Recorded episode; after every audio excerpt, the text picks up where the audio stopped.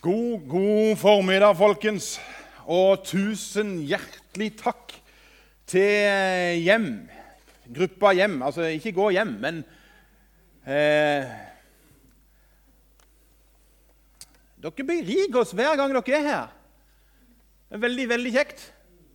Eh, jeg, og jeg, jeg, håper jo at dere syns det er kjekt å komme, siden dere kommer igjen og igjen og igjen. og igjen, og igjen. La, la, oss fortsette med det. Du, det er en av de der tingene som jeg digger med å være misjonsforbund eller Misjonskirka Norge. Det er jo dette her at vi er Guds barns enhet. Altså det der at ja, Vi har noen forskjellige både, eh, småbåter, men vi har en og samme rederen. Og vi fisker for den samme saken. Og så heier vi på hverandre. Og så ønsker vi det beste for hverandre og, og eh, be for hverandre. Å, det er så bra! Rett og slett kjempebra. Så det at... Eh, og så er det kjekt å se hver eneste en ellers. Eh, hva skulle vi gjort hvis ikke dere var her? Altså, da hadde det blitt litt sånn stusslig. Altså, da hadde det blitt, eh, da hadde ikke vært rare gudstjenesten. Hvis det var bare møteleder, meg og hjem som var til stede. Vi hadde jo fått det veldig kjekt, vi òg, men det hadde kanskje blitt litt annerledes. At, uh, vi er i dag i uh, siste del av serien 'Menn over bord'. Og vi har prata litt om det å få en del sånn unnskyldninger vekk fra våre liv. Unnskyldninger som kan være med å eh, begrense oss som mennesker. Unnskyldninger som kan være med å begrense at vi vokser som, vokser som disipler av Jesus.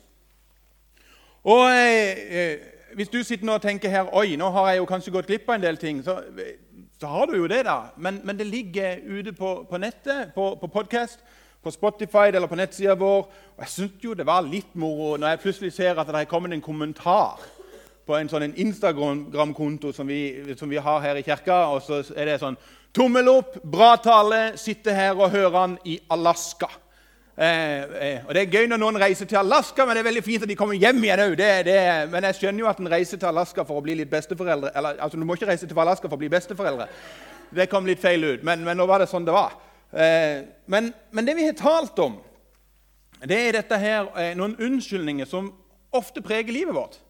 Litt sånn 'Men jeg har ikke tid.' Eller at vi sier 'Men, men det er jo ærlig talt, det er jo ikke min feil. Det, det er jo alle andre sin feil.' Og Sist søndag så snakket vi om dette med at men, men, jeg har ikke det som trengs. Eller jeg er, ikke, jeg er ikke god nok. Jeg er ikke flink nok. Jeg er ikke ja, verdig nok. Og Så skal vi avslutte i dag med eh, noe som kanskje ikke det taler så mye om i, i kirka, men som jeg er ikke redd for å tale om. Og Det er dette her som handler om tvil. Og, og, og dette som, som, der en kan på en måte si at eh, Å, virker ikke trykkeren min i det? Der kom han. Eh, men jeg tviler. Noen sier noen plasser at eh, tvil er ikke noe vi skal på en måte snakke om i kirka. Men jeg tenker, ja, jeg synes absolutt vi kan snakke litt om tvil innimellom. For det at det, tvil er faktisk en del av livet vårt. Altså, eh, Innimellom så tviler vi. vi kan, bare tenk deg litt om. I stor eller mindre grad så har du vært borti noen sånne tvilsettinger. Av og til noen sånne store ting og av og til noen små ting. Bare tenk deg når du var liten. Første tur uten støttehjul. Da tvilte vi litt på at dette går greit.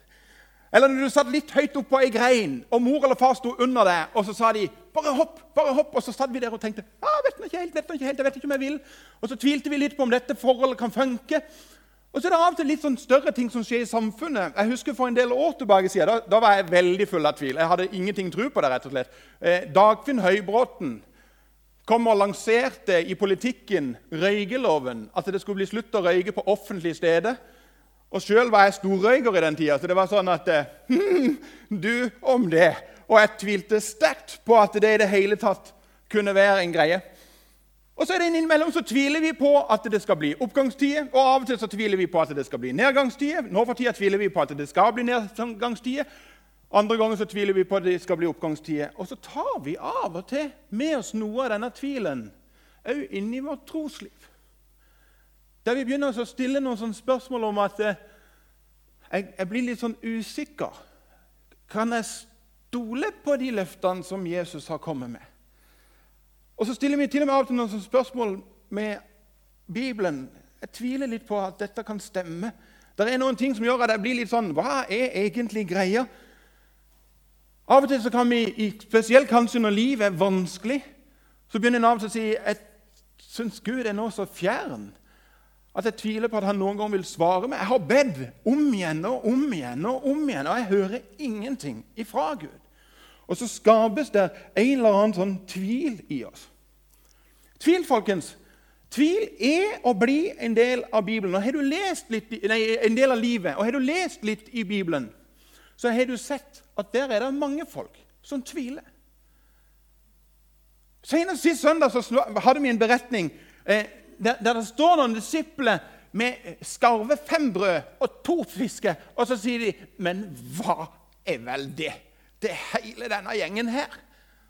De hadde en sterk tvil på at dette her kunne funke i det hele tatt. Og Vi skal lese litt videre fra den beretninga. Hvis du er med deg Bibelen, så kan du slå opp i Johannes kapittel 6. Eh, og der, eh, der, vil du eh, på en måte se at, eh, at Jesus har vært sammen med alle disse her folkene. 5000 barn foruten kvinner, 5000 menn foruten kvinner og barn. Og så kommer den situasjonen at noen av de virkelig vil at vi skal gjøre, gjøre Jesus til konge. Og da velger Jesus igjen å gå vekk ifra folk. Han eh, reiser vekk ifra dem. Og så er det bare det at Jesus er så populær at folk søker han opp igjen. Og så finner de Jesus en gang til. Og så sier Jesus, og jeg, mener, jeg kan jo forstå at Jesus er populær. Altså det, er jo gøy å henge med en fyr som gjør tegn og under. Og ikke minst når du har vært med på et sånn et under som disse folkene ute i ødemarka hadde opplevd. Dere vet jeg har litt livlig fantasi, men, men, det blir jo litt som at du opplever at Oi, hvis jeg bare henger sammen med Jesus, så har jeg jo egentlig med meg Rema 1000 alltid. Altså, Han, han fikser mat. Så, så, jeg kan på en måte, hvis jeg bare henger ihop med han, så går på en måte alt veldig veldig greit. Og så tenker jeg ja, jeg kan forstå den populariteten. Og midt oppi denne her populariteten så kommer Jesus Eh, inn og prøver å si Ja, dere er blitt begeistra for dette med mat. Men så sier han men den der maten som dere har fått, det er faktisk ikke det viktigste. Det viktigste er at dere spiser meg, for jeg er livets brød. Og Når Jesus sier det, så skjer det et eller annet i mengden. Det blir litt sånn murring, står det. Det er litt sånn Hæ? Er han på en måte livets brød? Og Så begynner han å si det. Ja, for jeg kommer ned fra himmelen, sier han. Altså, hvis ikke du har vært til stede når folk murrer, det er veldig gøy det. Hvis du har en stor folkemengde, og det blir sagt et eller annet fra talerstolen, og så begynner folk å snakke seg imellom liksom, Nei, hæ? Hm, hørte du hva han sa? Og Jeg, jeg sa det før meg, der de begynner, når han sier 'For jeg er den som er kommet ned fra himmelen', da begynner folk å dunke sider på hverandre, og så sier de 'Ja, men seriøst? Hallo, Jesus? Altså, Vi vet jo hvem du er.' Altså, Du kommer jo fra Nasaret, og vi vet hvem dine foreldre er. Vi vet hvem Josef er, og vi vet hvem Maria er. Og Nå står du her og sier at uh, du kom ifra himmelen, og at uh, du er brød. Ja, men Det stemmer jo ikke. Og så fortsetter Jesus og på en måte forteller en del ting. Og til slutt så sier han noe som ryster hele forsamlinga så kraftig. Og Vi skal lese akkurat det han sier. Og Jeg har lyst til å prøve å være litt med meg på fantasi. Tenk deg at du aldri før har hørt disse ordene her. Tenk deg at du på en måte ikke vet hva som kommer videre. De som var sammen med Jesus den dagen, de visste ikke hva som kommer til å skje. Det, vet vi. Vi vet hva som skjedde videre. Men disse folkene her har kun sett Jesus gjøre en del under. Og så kommer han plutselig og sier følgende Nå ble det strid mellom jødene, og de sa hvordan kan han si Eh, kan han gi oss sin kropp å spise? Og Så fortsetter Jesus med å si Jesus sa der til dem, sannelig, sannelig, jeg sier dere, hvis dere ikke spiser menneskesønnens kropp og drikker hans blod, har dere ikke liv i dere. Men den som spiser min kropp og drikker mitt blod, har evig liv. Og jeg skal reise ham opp på den siste dag, for min kropp er sann mat, og mitt blod er sann drikke. Altså, Vær helt ærlig, folkens. Altså, hvis vi hadde vært en gjeng, Si at vi hadde vært et par tusen mennesker som hadde stått på Rådhustrappa her i Porsgrunn Og Der sto en fyr med, med sandaler og så sa 'Begynn å spise kroppen min og drikk blodet mitt'. Jeg vet ikke hva du hadde tenkt, men jeg vet hva jeg hadde tenkt. Jeg hadde tenkt han der, han har tippa. Noen må ta og finne telefonen, og så må vi ringe 113, for han her må vi få lagt inn. altså, Han er ikke god. Og du ser, i folkemengden så blir det et sånn et sukk, og det blir sånn et Er dette mulig? Og Det står til og med om at disiplene de begynte på en måte å murre seg imellom. Det ble litt sånn Jeg ser for meg Thomas og Andreas dunke i hverandre og si dette her, Det han gjør nå, er jo ikke bra. Altså, det var jo så bra når vi var i ødemarka. Da solte jo vi oss i glansen. Vi gikk jo rundt der og delte ut mat. Og nå står han og snakker om dette her. Dette her er jo vanvittig harde ord. Altså, Kunne han ikke heller fortalt en lignelse? Altså, Han kunne jo dratt denne lignelsen om sårmannen. Den skjønte vi ingenting av, men han var sikkert god, den lignelsen. Men det du sier nå, Jesus, det går vi som ikke. Altså, Du blir jo upopulær. Og hvis du blir upopulær, da kommer jo vi i skyggen, vi òg. Altså, vi vil gjerne være der. Det stråler glansen over oss. Hvis du leser videre i Bibelen, så vil du se at eh, disiplene eh, sier ifra vers 60 så sier de eh, Mange av disiplene han sa da, da de hørte dette, dette er harde ord. Hvem i all verden kan høre slikt? Altså, Det høres jo ut Jesus, som du har tenkt at vi skal bli kannibaler. Spise kroppen din og drikke blodet. Vet du noe? Nå kjenner vi litt på noe tvil her, at dette her er ikke så veldig bra. Og så sier Jesus videre Jesus visste med seg selv at disiplene hans murret pga. dette. Og han sa, 'Gjør dette at eh, dere faller fra?' Er det sånn at det jeg sier nå, gjør at dere har lyst til å si at vi vil ikke følge deg lenger, Jesus? Eller sånn som vi bruker i vårt uttrykk altså, Skal vi trykke på knappen 'slutt å følge'? Vi har jo en sånn knapp på Instagram og på Facebook. 'Slutt å følge'. Altså, Vi har fulgt deg så langt, men nå trykker vi knappen og sier dette her vil vi aldeles ikke være med på. Noen ganger i livet så kjenner vi kanskje på at tvil stiger opp, og vi begynner å lure på er det verd å følge deg, Jesus. Er det verd å på en måte gå med det? Mange ganger når dette her skjer, er når det skjer noen store endringer i vårt liv. Du går fra én skole til en annen skole. Eller du flytter fra én by til en annen by eller til et annet land. Eller du går fra én jobb til en annen jobb. Eller du kommer i en eller annen form for livskrise. Plutselig så er ikke ekteskapet lenger som et cruiseskip, men det er plutselig blitt et krigsskip. Eller arbeidsplassen tapper deg mer enn han gir deg noe. Eller plutselig så opplever du sykdom og død komme hardt inn på livet ditt. Og så kjenner du på toppen av det hele at Gud blir veldig fjern. Og du lurer på hvor er han henne? Og så stiger tvilen opp i vårt indre. Og så slår av til tanken din Skal jeg trykke på knappen og si jeg slutter å følge deg, Jesus? Dette koster for mye. Og så kan det være at det blir som at Jesus stender på sida og spør vil også du gå bort. Hvis du av og til opplever sånne ting i ditt liv For tvil er en del av livet vårt. Hvis du av og til opplever sånne ting, så er det én ting jeg har lyst til å prente inn i deg resten av denne talen. Om du glemmer alt jeg har sagt til nå, men det jeg kommer til å si videre, nå blir du bare nødt til å få med det. For Peter, som av og til dummer seg litt ut Peter kommer opp med kanskje det mest geniale spørsmålet å stille seg sjøl av og til. Peter han kommer med noe som jeg tenker dette her, dette må du memorere. Dette må du huske. Dette må du gjenta for deg sjøl. For Simon Peter sier følgende eh, Herre, hvem skal vi gå til? Hvem skal vi gå til? Jeg har ikke kontakt med trykkeren min i dag. ser jeg. Hvem skal vi gå til? Hvem? Om ikke du, Jesus, hvem skal vi da gå til? For her er det et kjempeviktig faktum. Vi følger noe eller noen uansett. Spørsmålet er bare hvem vi vil følge. Det er ikke sånn at hvis de slutter å følge Jesus, så følger ingen. Jo, jo, jo. Alle mennesker følger noe eller noen. Det gjelder om du er agnostiker eller ateist, om du er buddhist eller hinduist, eller om du er pessimist eller egoist. Uansett så følger du noe eller noen.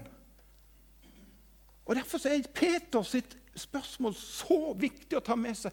Hvis ikke jeg skal følge deg, Jesus, hvem skal jeg da følge? Hvem skal jeg da følge? Og så legger han til en kjempeviktig setning. Du har det evige livsord. Jesus, det som Peter sier, Jesus, det er ikke alt det du holder på å si nå, som jeg skjønner. Det er ikke alt det du holder på med, som jeg egentlig helt forstår. Men noen ting har jeg sett, og det er at du har noe som jeg trenger. Du har det som gir meg et evig liv. Jesus, det er ingen andre som har klart å tatt meg fra en fiskebåt til dit jeg er i dag. Det er ingen andre som har klart Jesus, å ta meg fra mitt enkle liv til det berikende livet jeg har sammen med deg. Ja, det har kosta noen ganger. Men hvis jeg ikke skal følge deg, Jesus, hvem skal jeg følge da? Folkens, tvil er en del av livet vårt. Vi vil alltid en eller annen gang oppleve tvil.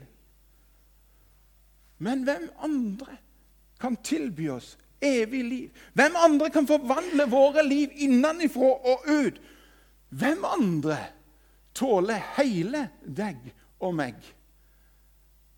Han kjenner dine tanker. Og er det klart at Hvis dine tanker hadde blitt spilt på en vegg, det hadde vi ikke likt. Iallfall ikke hvis de hadde spolt mine tanker. Da hadde dere tenkt at kjære med tid, han, det der kan vi ikke ha som pastor. For det går mange rare tanker i hodet mitt. Men Jesus sier vet du, jeg tåler hele deg.